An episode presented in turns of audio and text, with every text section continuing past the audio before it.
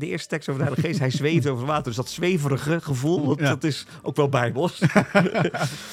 maar hij is zo reëel, want degene die op aarde actief is, is de Heilige Geest. Mm. De Vader zit op de troon, de Zoon zit aan de rechterhand van de Vader en de Geest van God is hier. Dus zoals eh, een van, van mijn vrienden, Gerard Groot, zegt, je beste vriend op aarde is de Heilige Geest.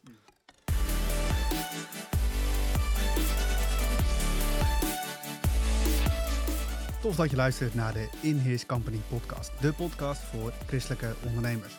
Vandaag hebben we een hele leuke gast met een prachtig vrouw, Martin Koenstra van Royal Mission. We hebben het vandaag over een heel groot verhaal. Het plan van God voor de wereld en ook hoe jij als ondernemer jouw rol daarin kan pakken. Ik kijk uit naar het gesprek met Martin Koenstra.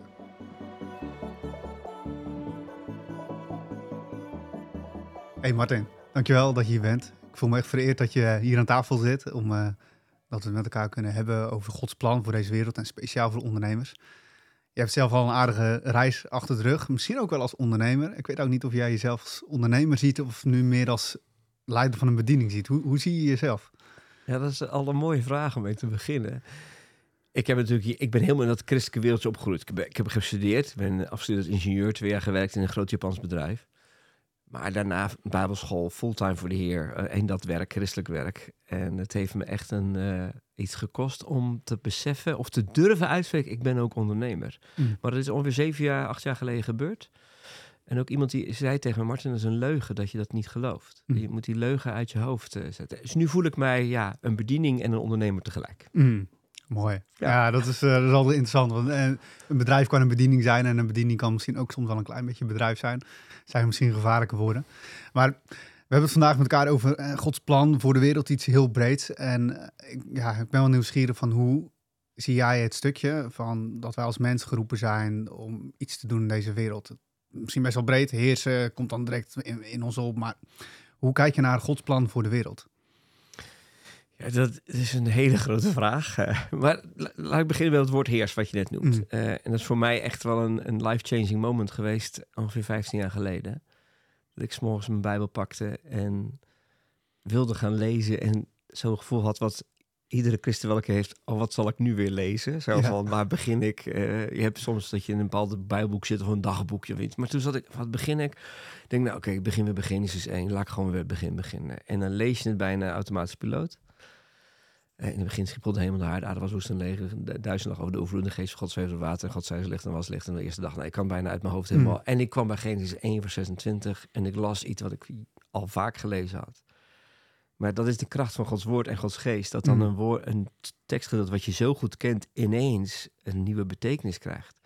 God zei, laat ons mensen maken die ons lijken naar ons evenbeeld, opdat ze zullen heersen.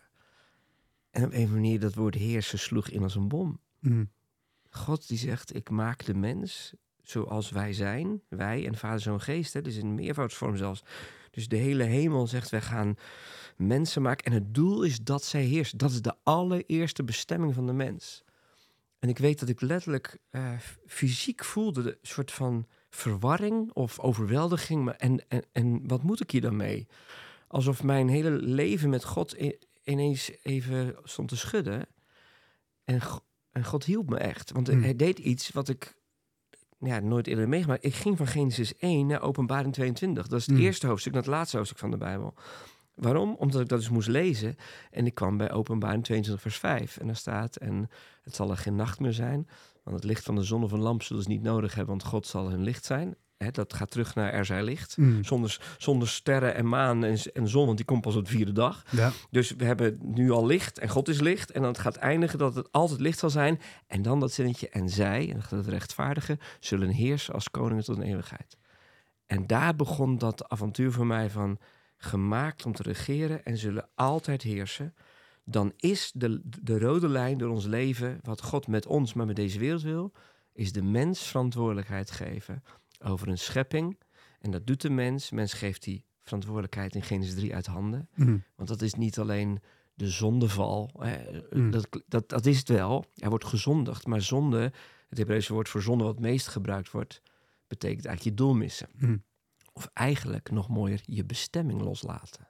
En als de bestemming is heerschappij voeren en je gaat je gedragen als slaaf, raak je dus je bestemming kwijt. Dus Genesis 3 is het uit handen geven van de bestemming van de mens. En komt deze wereld dus onder ja, slavernij, onder onderdrukking, onder chaos terecht. Dat is wat we zien. Alleen, het, Gods plan is dat wij uiteindelijk zullen heersen. Dus uiteindelijk gaat hij dat weer goed maken. Ja. En het eindresultaat moet mooier zijn dan het begin. Want anders heeft God niks uitgewerkt. Dan is het alleen maar proberen te redden. Dus Gods plan is niet een reddingsplan, maar is een herstel- en vernieuwingsplan. En het mooie is dat, nou, dat klinkt natuurlijk heel groot, maar daarin geeft God de mens en elke mens die dat wil een rol. Mhm. En je zegt hier al best wel veel, hè? want je Ja. zegt van het Godsplan is geen reddingsplan. Nou, dan gooi je voor sommige christenen misschien wel eh, direct een knuppel in het onder- onderrok. Nou, hartstikke mooi natuurlijk en leuk dat je dat ook doet. Ehm, maar, en je zegt van, maar s- we kennen allemaal de term inderdaad, zonde is doel missen. Ja. Maar je draait hem ook een klein beetje om, dat je eigenlijk dus je bestemming mist. Uit handen geeft. Of uit de Ja. handen geeft. Ja. Kun je daar misschien nog wat meer over zeggen? Want ik denk dat dit wel eh, cruciaal is voor tenminste de ondernemers die ik spreek. Dan zijn ze heel erg hard op zoek naar, ja, maar wat moet ik dan doen? En wie ben ik nu? En wat kan ik betekenen in deze wereld? Ja. Kun je nog iets meer zeggen over dat, dat stuk bestemming wat je koppelt aan zonde?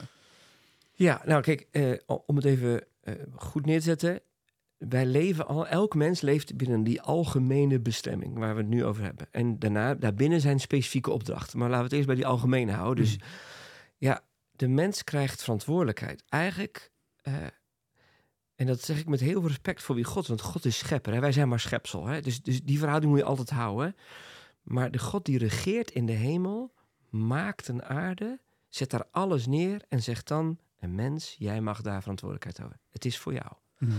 Met de intentie dat wij het doen in de afhankelijkheid van God. Zoals in de hemel, zo ook op aarde. Dat is dat gebed van Jezus. Eigenlijk zit daar al in. God regeert in de hemel, mogen wij het namens God doen op aarde. En dat kunnen we niet uit onszelf. Dus daarom hebben we de kracht van de Heilige Geest nodig, hè, die ons leidt. Nou, en dat zie je al in Genesis 2. Als de dieren gemaakt worden, komen die langs bij Adam en mag hij zijn namen geven. Hmm. Welke schepper, we het, welke schilder zegt: Dit is mijn schilderij en jij mag zeggen hoe dit heet? Dan geef je de identiteit weg. Het hart wat daarin zit. Dus God maakt die hele mooie schepping en zegt: ah, En dan mag jij zeggen hoe het heet. Jij, jij geeft identiteit, naam. Jij krijgt autoriteit over deze schepping. Nou, dat is al een mooi voorbeeld dat God dat doet. En juist door te luisteren naar de woorden van de slang in Genesis 3, nemen ze niet meer de verantwoordelijkheid, maar gaan zich stellen onder de verantwoording van iemand anders. En daarmee missen ze hun opdracht. En ja, dat is zonde. Zonde is iets wat zijn doel mist. Als ik dit, dit, dat, dat glaasje water wat hier staat laat vallen, zeggen we "Ah, zonde. Waarom zeggen we zonde? Omdat het daar niet voor gemaakt is. Mhm. Het, het wordt verspild. En eigenlijk een leven wat in zonde leeft, verspilt de potentie die erin zit. Mhm. Maar een leven wat zich in afhankelijkheid van God verantwoordelijkheid neemt, komt maximaal tot zijn doel, allemaal op de plekken waar ze zijn. Nou, en dat is de eerste bestemming. En de tweede algemene bestemming, die, er eigenlijk, die mag je er niet los van maken. We zijn gemaakt om te regeren, verantwoordelijkheid te nemen, en we zijn gemaakt om te aanbidden. De- Regeren, aanbidden. En aanbidden is juist weer beseffen, hij is schepper, ik ben schepsel. Hij is almachtig en ik ben in mezelf zwak. Maar regeren is partnerschap. Plotseling worden we gelijken. Hij geeft de kracht, wij mogen het doen. Hij geeft de ideeën, wij mogen ze uitvoeren. Hij geeft de wind, wij moeten de zeil opheffen. En dan komt de wind en we gaan varen. Het is een partnerschap. Dus regeren is, we, we zijn bijna gelijkwaardig aan God. Hij is al, eh, maar aanbidding is weer beseffen, nee, wij zijn, wij zijn niks, hij is alles. En als je die twee, als we dat daar binnen gaan leven, geloof ik dat elk mens uiteindelijk tot zijn doel komt. Mhm. Wauw. Ja. Ja, dus de- als je hier op een knopje doet, dan word Ja, ja. helemaal... Oh, ja. ja, maar daarom zit je hier ook. Dat doe je goed. ja, maar, dit is, maar je hebt het ook over een stukje gedelegeerde autoriteit. En eh, wat eh, inderdaad Genesis eh, 3 ging dat naar de knoppen, maar door Jezus hebben we dat weer teruggekregen. Maar dat is ook de, misschien kun je daar wat over zeggen, want er zijn best wat mensen die ik dan spreek en dan, dan voelen ze nog niet die vrijheid dat ze eigenlijk die autoriteit van God hebben gekregen. Ja, dat, ja dat, zie ik ook. En dat is ehm, aan de ene kant begrijpelijk, omdat we binnen onze kerkgeschiedenis wel opgevoed zijn met een evangelie wat heel erg zich richt op zonde. En vergeven worden of misschien vergeven worden, of het, het moet je gegeven worden.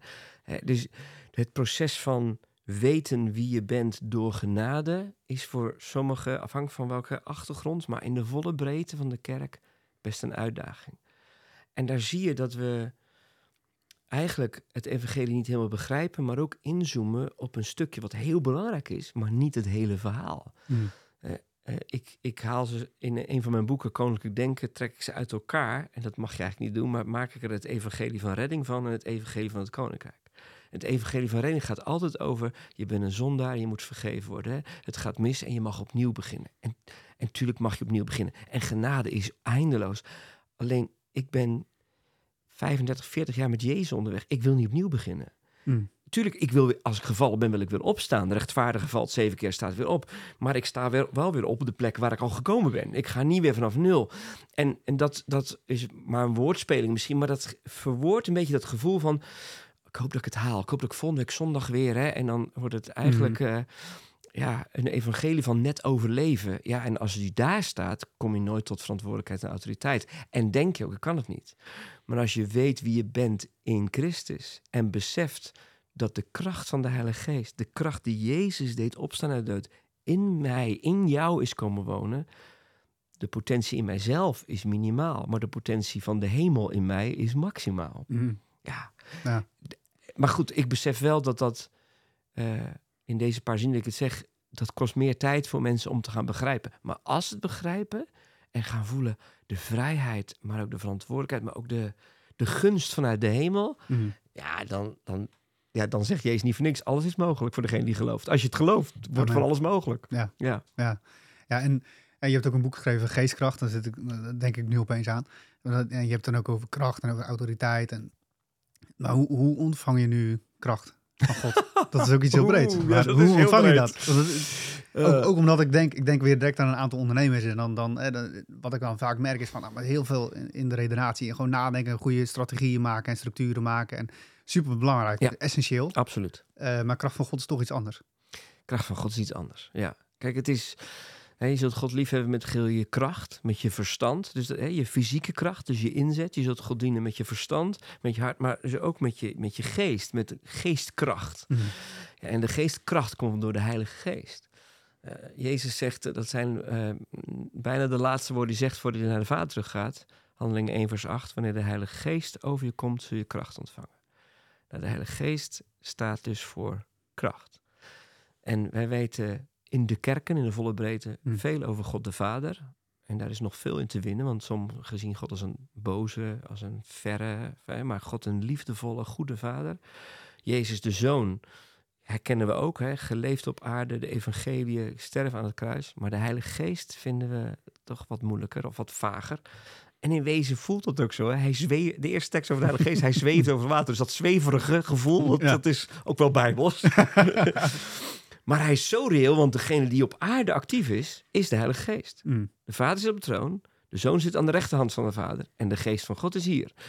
Dus zoals eh, een van, van mijn vrienden, Gerard Groot, zegt, je beste vriend op aarde is de Heilige Geest. Mm.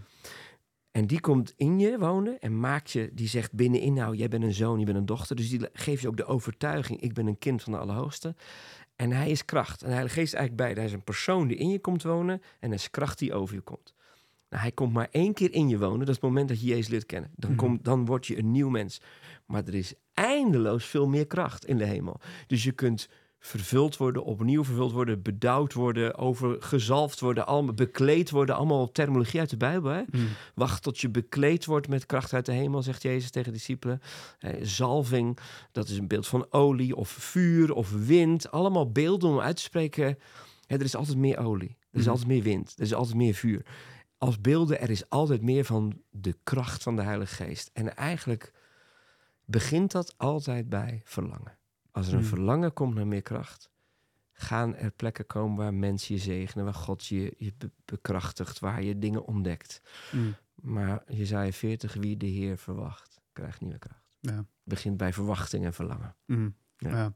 En zijn er verhalen waar je aan denkt van eh, bijvo- bijvoorbeeld ondernemers. En je hebt laatst weer een, een dag gehad met ondernemers en kerkleiders. Een hele eh, leuke mix, denk ik. Ja. En, en zijn er verhalen waarvan je denkt van... Hé, maar dit zijn gewoon ondernemers waar ook soort van de kracht van God gewoon ingezet wordt bijna in hun bedrijf. Ja, ja ik ken er echt een aantal die nou ja, bidden voor bepaalde gesprekken. Mm. met profetische woorden het gesprek ingaan. En niet tegen een onder, andere ondernemer of een klant. Of wat ik zeggen van eh, zo spreekt de Heer.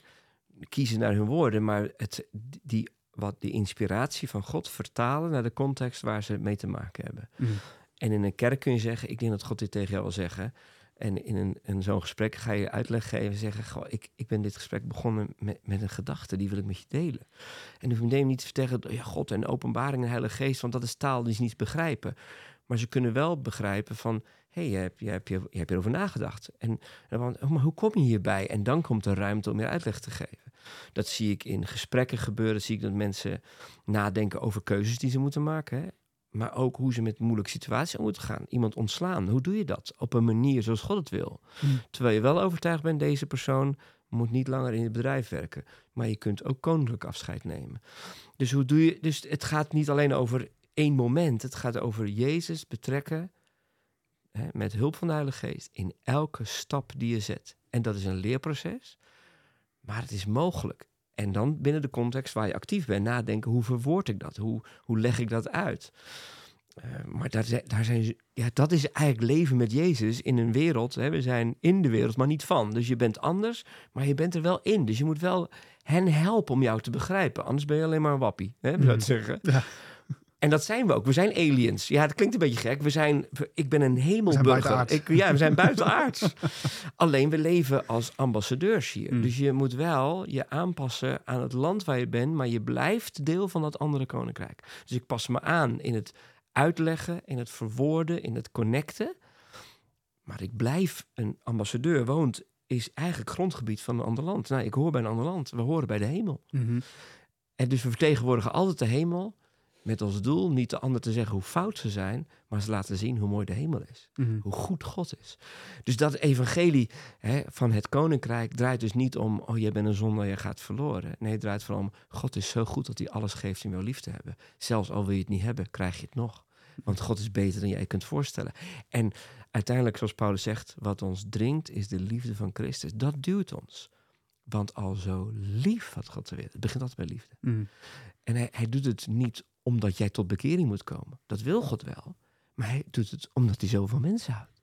En als wij gegrepen worden door die eindeloze liefde van God, dan zit ik niet tegenover iemand om hem te zeggen dat hij het fout heeft en ik gelijk. Nee, zitten we naast iemand om het laten voelen hoe mooi God is. Mm -hmm.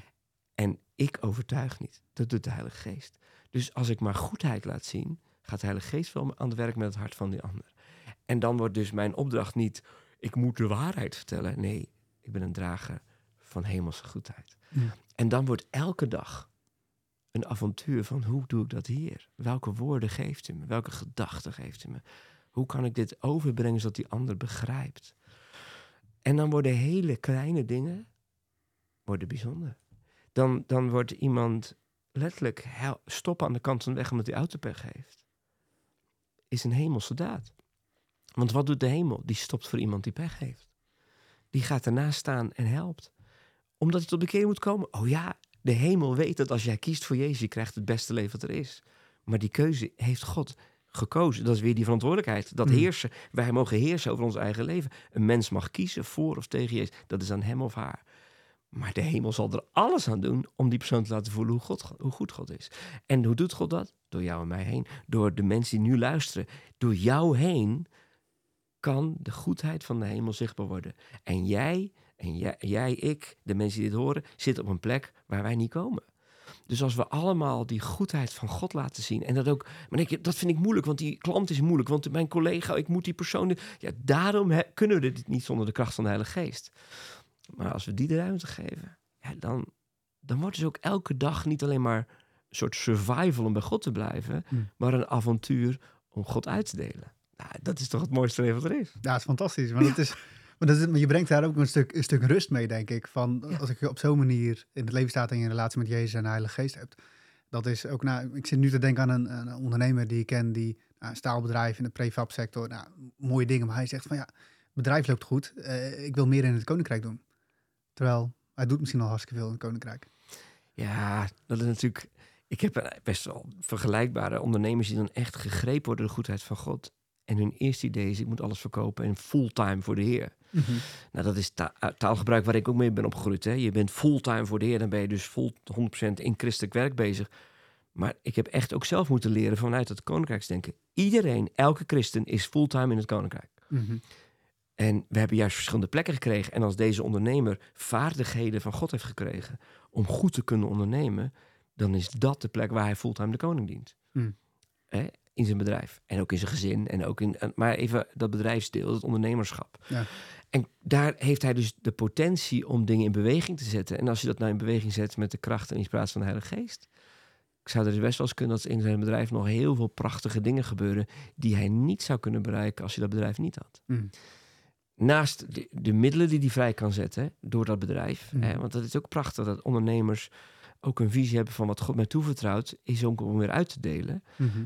En wat doe ik voor mijn klanten? Wat doe ik voor mijn werknemers? Wat, doe, welke, welk, wat produceer ik? Voeg ik toe aan deze wereld of maak ik er grotere puinhoop van? Mhm. Dat is natuurlijk allemaal vragen die je gaat stellen als je gaat denken eh, vanuit de hemel. Vanuit het koninkrijk van God. Dat God door ons heen dingen recht wil zetten. En uiteindelijk alles recht zet als Jezus terugkomt.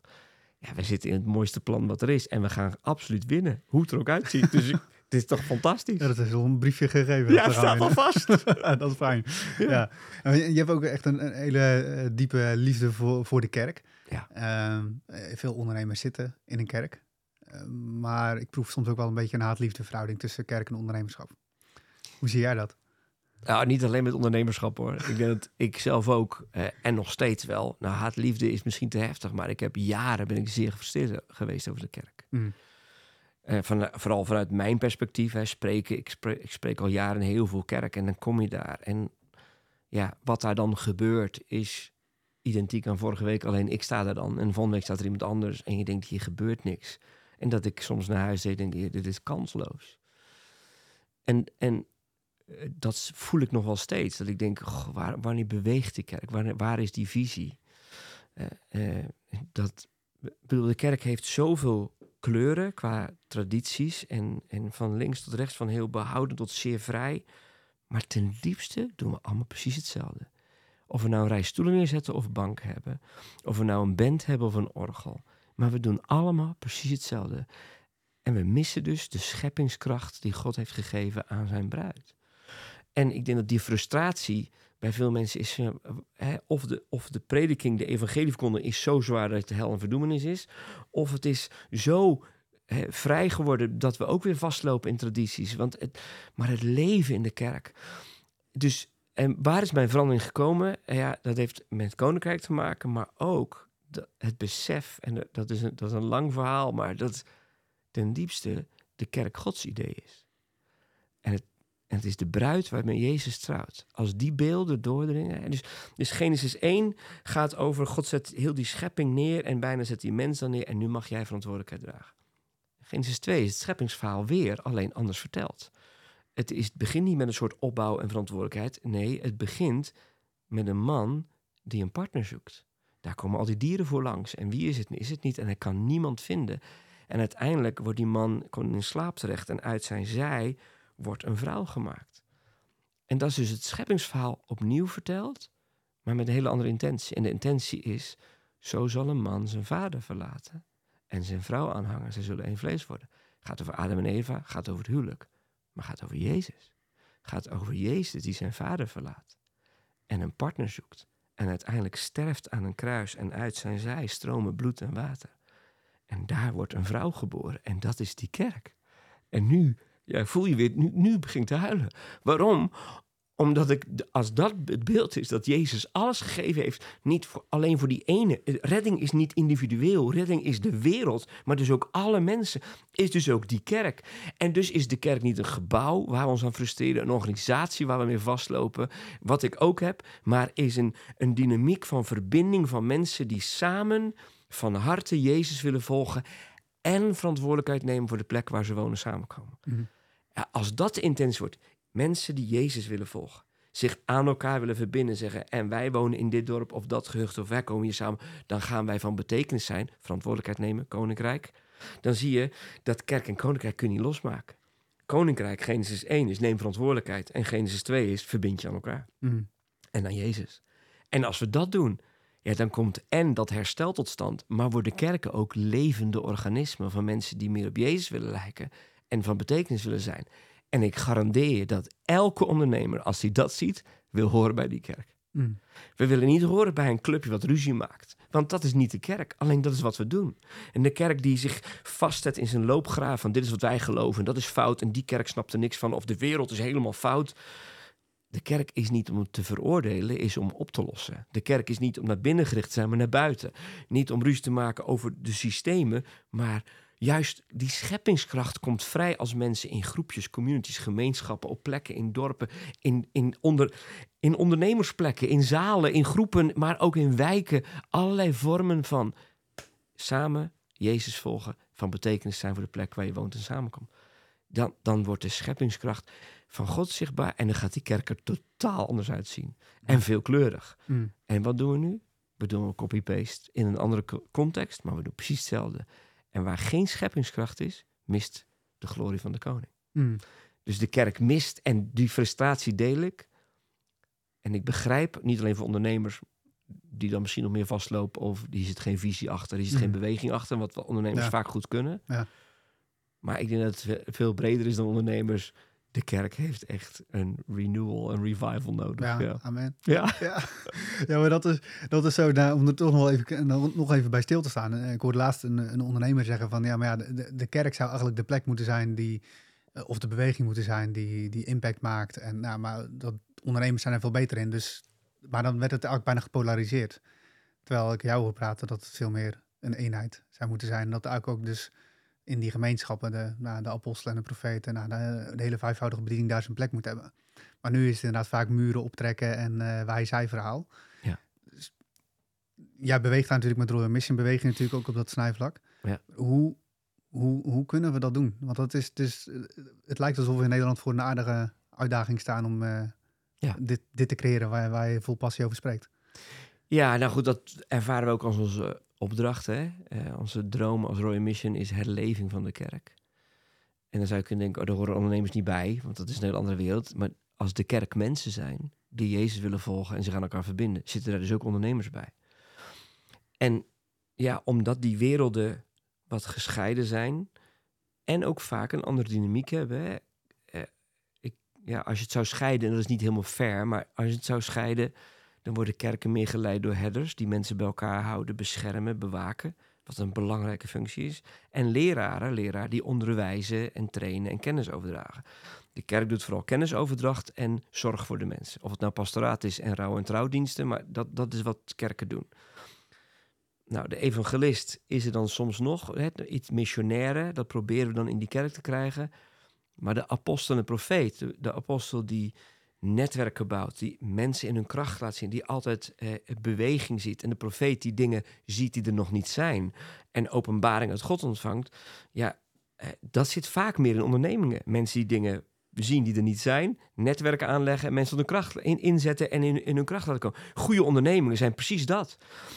Nou, dus dat profetisch apostolie zit vaak meer in ondernemingen en het herder en leraar zit meer in kerken. En ik besef, het is een karikatuur, want ik wil Hmm. eh, respect houden voor kerken waar het anders is en ondernemingen waar het ook anders is. Maar die twee bij elkaar brengen. En dus niet alleen de kerk en de onderneming, maar gewoon op alle plekken. In bedrijven moet er ook goed zorg zijn voor mensen. En bescherming en, en, en aandacht. En moet er ook kennisoverdracht zijn dat mensen niet alleen maar uitvoerders zijn, maar zelf toenemen in hun ontwikkeling. En in de kerken moet veel meer visie en veel meer lef en veel meer geloof zijn. En, en, en, en dingen zien en van God ontvangen. Ja, dus die bij elkaar brengen eh, is al een kruisbestuiving in manieren van denken en eigenlijk bedieningen. En kan ook iets betekenen dat er meer verbinding ontstaat. Niet alleen ik hoor bij de kerk, maar wij gaan samen verantwoordelijkheid nemen voor de omgeving. Want de kerk, ja, daar denken we toch aan de dominee of de voorhanger en, en dat instituut of die, die plek waar we op zondag samenkomen. En die onderneming zien we een fabriek. Maar ten diepste zijn het allemaal mensen. En als mensen zich verbinden, verantwoordelijkheid nemen vanuit hun liefde voor Jezus, ja, komt die veelkleurigheid vanzelf in elkaar. Hmm. Maar zeg je dan ook niet van, eh, je zegt van bijvoorbeeld veel meer geloof en lef hebben in de kerk, maar net zei denk ik ook wel, de- eh, grotendeels denk ik zeker terecht, dat de kerken vooral geleid worden door herders en leraars. zegt tegen een herder en een leraar, ja, je moet meer lef hebben. Dat is ook iets wat dan tegen zichzelf keert. Ja, nou ja, kijk, en het, de, je kracht is ook je zwakte. Dat is bij elk mens. Hè. Ik Mm. kan heel goed praten en mijn uitdaging is goed luisteren. Mm. Dat- maar dat heeft elk mens. Dus, de, dus daar is, van die vijf bedieningen is er niet één die de beste is of zo. Hè, of beter. Maar de kracht van een herder is beschermen, bewaken, bij elkaar brengen. Dus wat vindt een herder spannend als dingen hard groeien? Mm. Want dan kun je niet beschermen en bewaken. Dan heb je de controle niet meer. Dus herder is een prachtige functie, maar moet gebalanceerd worden met bedieningen die juist veroveren, vernieuwen, toevoegen. En die veroveraars, vernieuwers hebben de herders nodig, zodat ze. Want in het bedrijfsleven zijn er genoeg bulldozers die heel veel bereiken, maar achter zich mensen kapot maken. Mm. Dat zie je in, in die duwers die enorm veel veroveren. Nieuwe producten, nieuwe dingen, grotere markt. En je ziet de, de, de deur achterin is heel groot, want mensen vertrekken. Mm. Nou, daar zou wat meer HR en zorg voor de mensen moeten zijn, even in bedrijfstermen. En in de kerk zou wat meer lef en moed moeten zijn. Mm. Dus er, er zijn dynamieken en die is op elke plek weer anders. Maar dit even in grove contouren, waar er zoveel te winnen is. En als Jezus, Efeze 4, er staat dat hij opgevaren naar de hemel gevangenen meenam. Dus hij heeft de mens bevrijd van de dood. Dus hij heeft, de, hij heeft de dood overwonnen. En terwijl hij naar de hemel gaat, gaf hij gaven aan de mensen. Dat zijn dus niet die gaven van de geest over genezing en openbaring. En niet de, de, de vaardigheden, bekwaamheden van Romeinen 12. Dat we kunnen leiding geven, barmhartigheid, gastvrijheid. Maar gaven mensen gaf hij. En Mhm. er zijn er vijf soorten mensen. En ik ben ervan overtuigd dat elk mens hoeft niet meteen die label te hebben van een van die vijf, maar heeft een bediening, een roeping die eigenlijk onder een van die vijf of soms een beetje een combi van twee. Ja, als we dat gaan herkennen en verbinden en gaan zoeken, hebben we ze alle vijf. Mm. Ben ik van overtuigd dat en kerken en ondernemingen beter geleid zouden worden. Ik denk dat we ze alle vijf op allebei de plekken nodig hebben. Mm. Ja. Ja. Ja, goed verhaal. Ja, we zijn klaar. Mooi. Als iedereen dit nu pakt, nee, dat is. Maar dat is de. eh, je hebt natuurlijk met Roy Mission, eh, misschien kun je daar nog wat over zeggen. Want met Roy Mission heb je een hele mooie eh, missie inderdaad. En dit is een, een groot onderdeel van, eh, van wat je doet. Maar er zijn er ook, ehm, nou, als ik denk van nou, andere bedieningen, eh, kerken. ehm, hoe, hoe kunnen we eh, openstaan voor deze beweging die God ook al lang begonnen is, ook in Nederland? Wat, als je nu luistert en je hebt een bedrijf, je hebt een bediening, wat, wat zou je kunnen doen? Nou, zeker verbinden met anderen. Op zoek gaan naar verbinding.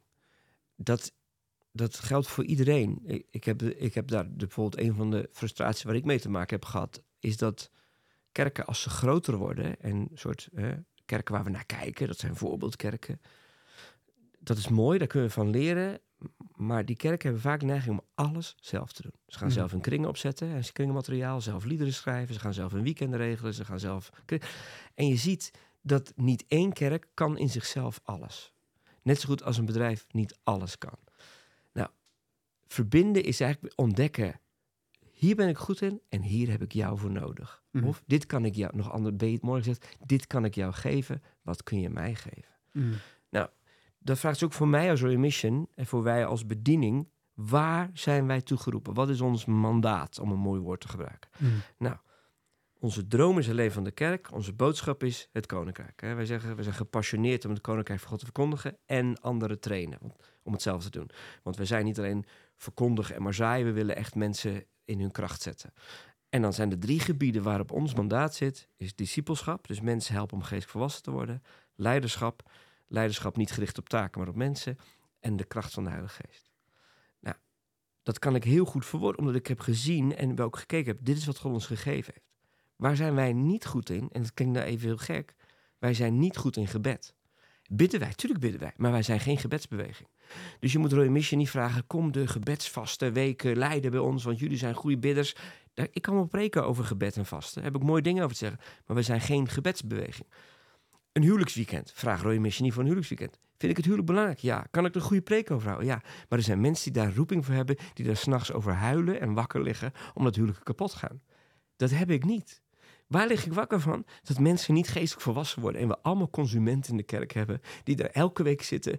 en hun leven verandert niet. en hun omgeving nog minder. Nou, dat, dat is zo ver af van wat Jezus bedoeld heeft.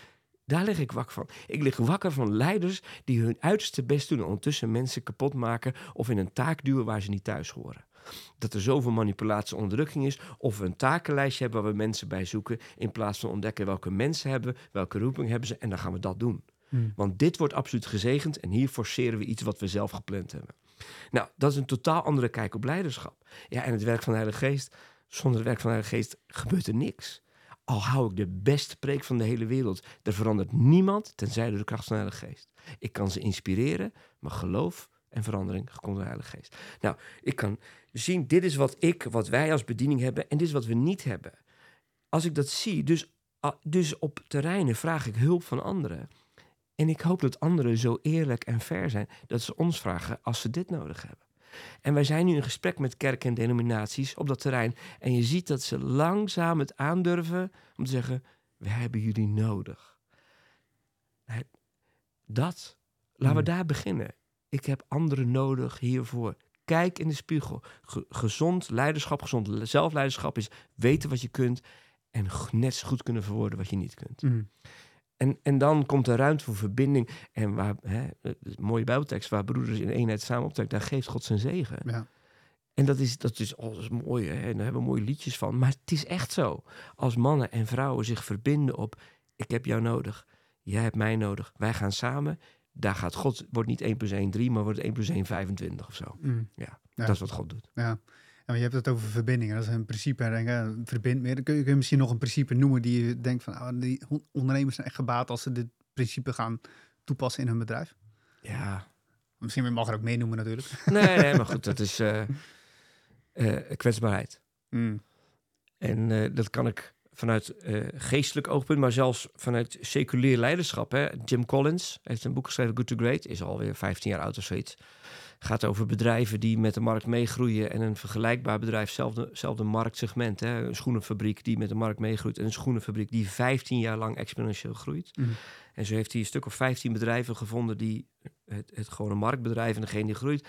En gezocht naar de, wat, waarom groeit dat ene in dezelfde omstandigheden, hetzelfde product, exponentieel en de ander niet. Daar komen allemaal mooie principes uit, die trouwens heel bijbels zijn, uit seculier onderzoek.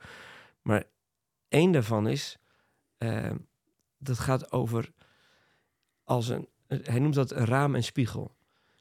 Als je team succesvol, als je samen iets moois bereikt, kijk door het raam, geef de eer aan je team. Als er iets fout gaat, kijk in de spiegel, wat had ik anders moeten doen? Mm. En hij zegt, het grappige is dat al die bedrijven die exponentieel groeien, deden raam en spiegel. Die niet exponentieel groeiden, die zaten altijd scheld op hun team. Dus ze groeiden wel. Maar die, die, de, de, de leider kon niet kwetsbaar zijn over... hier had ik het anders moeten doen. Hier neem ik verantwoordelijkheid voor. Dit is wat ik niet kan. Hier heb ik jullie hulp bij nodig. Al dat, en daarover vertellen. En als er iets is wat ik zelf probeer... is daar een voorbeeld in te zijn. Zodat ik zelf bevraag, hoe kom ik over? Mm. Hoe vind je, hè, ons Royal Mission is weer in een enorme transitie qua leiderschap, omdat we groeien. Vraagt dus ook dat mijn rol verandert. En ja, als ik niet oplet. Wij zijn heel vriendschappelijk bij Royal Mission, maar ik moet me realiseren, als Martin iets zegt, spreekt de directeur. Dus ik zal geregeld de kwetsbaarheid moeten hebben, niet van we zijn nu in gesprek en, eh, en, en denken dit is gelijkwaardig, want het is niet gelijkwaardig. Dat, dat, dat, dat, is, dat kan niet weg, want, want ik ben de directeur. Ik gedraag me als vriendschappelijk en we praten samen, maar mijn woorden wegen zwaarder. Ik heb deze bediening opgezet samen met en ik ben de directeur. Ja, dus, dus moet ik, om daar angel eruit te halen, zal ik in de spiegel moeten kijken. Hé hey mensen, ik heb dit nu gezegd, maar hoe komt dit over? Mm. Durf jullie nog te zeggen wat je vindt? En hem bevragen. Sorry dat ik zo als eerste het woord nam. Ik had mijn mond moeten houden en als laatste moeten spreken. Om jullie de kans te geven te zeggen wat je vindt. Ja, dat vraagt van mij een rol. En als, als leiders dat doen, en ook ondernemers, je team wordt mooier, maar je kunt ook veel makkelijker verbinden. Hè, Patrick Lencioni, nog zo iemand, dat is Ja. toevallig wel een christen. Team bouwen, vijf fases. Fase 1 is vertrouwen. En hij zegt vertrouwen niet in de competenties van de ander, vertrouwen in het hart van de ander. Hoe Mhm. groeit dat? Door kwetsbaarheid.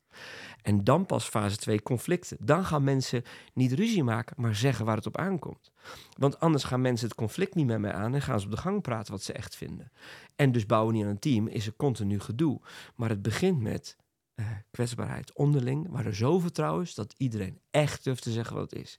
Dat is in je team, maar dat is dus ook tussen ondernemers. Dat is dus ook in de kerk. Dat is dus ook in de maatschappij. Ja, nou ja, in de spiegel kijken als het nodig is. Investeren in kwetsbaarheid. Als je dat doet, komen en mensen meer tot recht om je heen en worden verbindingen echter. En kun je daarna gaan bouwen aan teams en veel meer samenwerken. Mm. Ja. Ja. Ja, want ik vind het wel ontspannend hoor. Ook als je dit zo zegt, kwetsbaarheid. Ik bedoel, inderdaad, zeker. Inderdaad, je hebt een bepaalde rol. En eh, dan durf je tegen, ben je tegen iedereen kwetsbaar. Heb je daar nog grenzen in? Eh, misschien ook wel natuurlijk, maar... Nou, mijn vrouw vindt wel eens dat ik te veel vertel. dus maar niet, hoeft alles te weten. Ook over ons gezin en zo. Maar ja, ik, ik, dat is ook wie, dat is, Mm. ja, hoe God me gemaakt heeft als gewoon mijn, ja, ook in elkaar zit. Mm. Maar ook wel wat God met mijn hart door de jaren heen gedaan heeft. Mijn eh, Psalm 51, dat is die psalm van David als die Mm. gezondigd heeft in Bathsheba. Maar daar, daar staat- vers 18 geloof ik, is het een verbroken, verbrijzeld hart zijn de offeranden Gods. Mm. En dat is, dat is, dat is mijn leven. Van een echt offer voor God is, is niet alles op een rijtje hebben. Is niet de beste zijn. Dat vraagt God helemaal niet van mij. Maar een verbroken en verbrijzeld hart, dat zijn de offeranden van God. Dat is het echte offer, is van Heer. Dat is dan weer die aanbidding. Hè? Ik bedoel, regeren is verantwoordelijkheid nemen, is, is jezelf ertoe zetten, lef hebben. En dat moeten we ook. Alleen je moet op tijd stoppen en zeggen, Heer, zonder u kom ik nergens. En hier vecht ik. En dat niet alleen met de Heer, maar ook met de mensen waarmee je optrek. Ja, en het, waar je denkt te verliezen, is de plek waar je wint.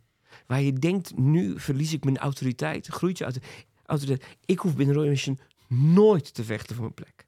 Ik hoef nooit te zeggen, ja, maar ik ben wel de directeur. Waarom? Omdat ze weten dat ik... Ze hebben gezien met vallen opstaan dat ik geblunderd heb. Dat ik, dat ik eerlijk probeer te zijn. Dat ik Martin, mag je aanspreken? We zijn net begonnen per 1 januari, dus dat is heel recent. Zit ik niet meer in het managementteam. Na 14 jaar Roy Mission. Waarom? Omdat ze me de ruimte geven, wees nog meer de visionair. Wij nemen de operatie voor je. Dus er is een managementteam van drie. En ik ben er nu sinds 1 januari uit. En nu hebben we één keer per maand een visieteam overleg. Dus ik leid nog wel de visie en de beweging. Maar de uitvoering, de operatie, hoef ik, ze vragen misschien eens advies, maar hoef ik eigenlijk niks mee te doen. Maar goed, afgelopen week hebben we onze eerste visieteam ik, mail, ik deel daar vier, vijf plannen die in mijn hoofd zitten. Waarvan ik denk dat God zegt, die gaan we doen. Maar dan komt dus voor het eerst de spanning op tafel. Wat gaan zij nou zeggen? Mm. Moeten ze ja knikken, want Martin heeft het bedacht. Hij is de visionair. Mogen wij ook nog nee zeggen? En als we nee zeggen, wordt Martin dan boos? Of is hij het er dan niet mee eens? Duwt hij er dan doorheen? Alleen het mooie is, een van de gasten vraagt mij... eh, Martin, hoe komt het nou op je over dat wij commentaar geven? Ik zeg, nou, daar praten we dus over. Ik zeg, dit doet dit met mij. En ik word bang dat ik straks niet mag doen wat ik wil. En ik vraag, maar wat doet het met jou? En een van de anderen zegt, Martin, ik vind het spannend om nu te zeggen dat we dit niet gaan doen. Want ik denk, nu ga je boos worden. En niet omdat ik een boos mens ben, maar nu ga je teleurgesteld zijn dat het... En dan, maar door daarover te praten, hebben we het nog niet meteen opgelost. Alleen, we gaan dit oplossen. Hmm. Er gaat een dynamiek ontstaan waarin zij de autoriteit hebben zeggen... Martin, prachtige plannen, maar als ik kijk naar het personeel, tijd, middelen die we hebben... moeten we even wijzer zijn. En tegelijk erkennen ze mij als visionair die dingen ziet die zij nog niet zien. Daar ben ik niet dat zij slechter ben, maar dat is wat ik heb. Ik zie dingen, ik ontvang dingen, ik kijk verder. Alleen, ja, ik kijk zo ver dat ik soms drie dingen tegelijk doe, terwijl er maar één moet. En als die balans dan goed komt, worden we dus een mooier, sterker team. Zij gaan de operaties prachtig bewaken, beter dan ik kan. En ik ga beter op mijn recht komen met nieuwe plannen. Maar als je er niet over praat, dan ga ik daar zitten bulldozeren. En zij gaan maar ja knikken, want de directeur vindt het. En op een bepaald moment put je je hele organisatie uit.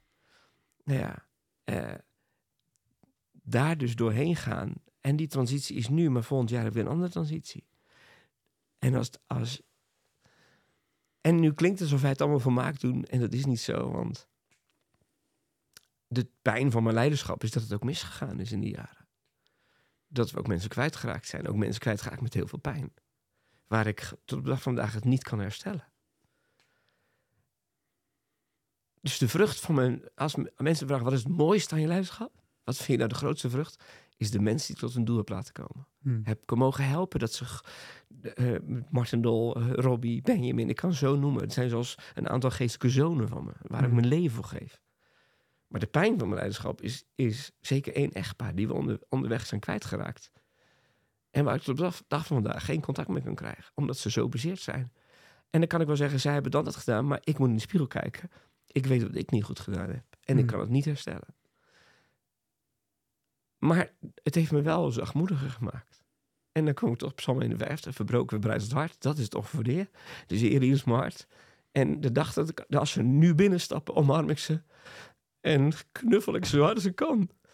Omdat ik alles goed wil maken. Maar ook besef dat ik het onderweg niet had goed gedaan heb. Maar dit hart. En het gaat niet over dat allemaal moeten janken. Maar ik denk, leiders, je zou wel meer moeten janken.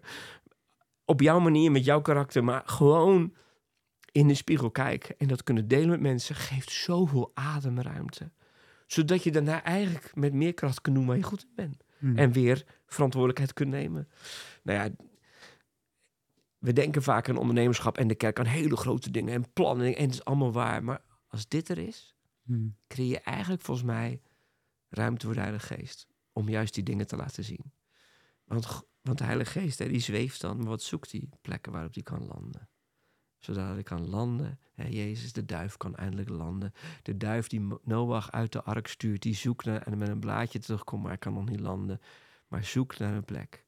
En als hij dan landt op Jezus, dan is het. En dat is wat de geest wil: landen op mensen die het kunnen dragen. Nou ja, ja het zijn mooie beelden, maar het- ik, ik, ik leef het, ik zie het Mm. gebeuren. Je hebt wel lef. Dank Dank dat je dit deelt.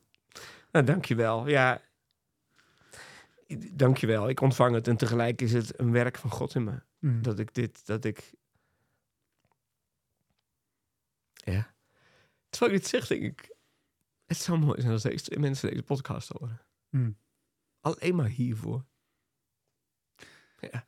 Ja, ja, dankjewel voor het delen van je verhaal, Martin. Het is, het, het is maar vanmorgen en ook halverwege dit verhaal werd ik echt gewoon bepaald met, met geestkracht. En Ja. ik denk dat het niet ging om, om, niet per se gaat om het boek wat je geschreven hebt, maar dat dit, de kracht van de geest ook geopenbaard wordt, ook in je ziel. En dat emoties ook hersteld worden en Ja. verbindingen hersteld worden. En dat het herstelplan is van, van God, wat hij heeft met de wereld. En nou, dat is, ik dacht van oké, waar gaan we naartoe? We hebben eh, zo'n mooi en open kwetsbaar eh, eh, gesprek gehad. Dus dankjewel voor het delen van je verhaal, Martin. Graag gedaan. Het was een eer om hier te gast zijn. Dus dank je. Thanks dat je geluisterd hebt naar deze prachtige, maar ook kwetsbare aflevering. Mocht je nu eens willen delen naar aanleiding van deze aflevering, voel je vrij om contact met ons op te nemen via ons e-mailadres info@inhiscompany.nl. En ik maak ook direct even gebruik van deze gelegenheid om te zeggen dat wij 8 maart, vrijdag 8 maart, in Nieuwegein een business event hebben voor ondernemers. Het thema is God, familie en business. Een kwetsbaar, maar ook een krachtig thema. Je bent van harte welkom op vrijdag 8 maart. Wil je de beweging van In His Company steunen om nog meer ondernemers te dienen om hun unieke plek in Gods Koninkrijk in te nemen? Dan kun je ons helpen door te gaan naar inhiscompany.nl slash geven. Met jouw financiële steun maak je deze beweging mogelijk. Dankjewel en tot de volgende keer.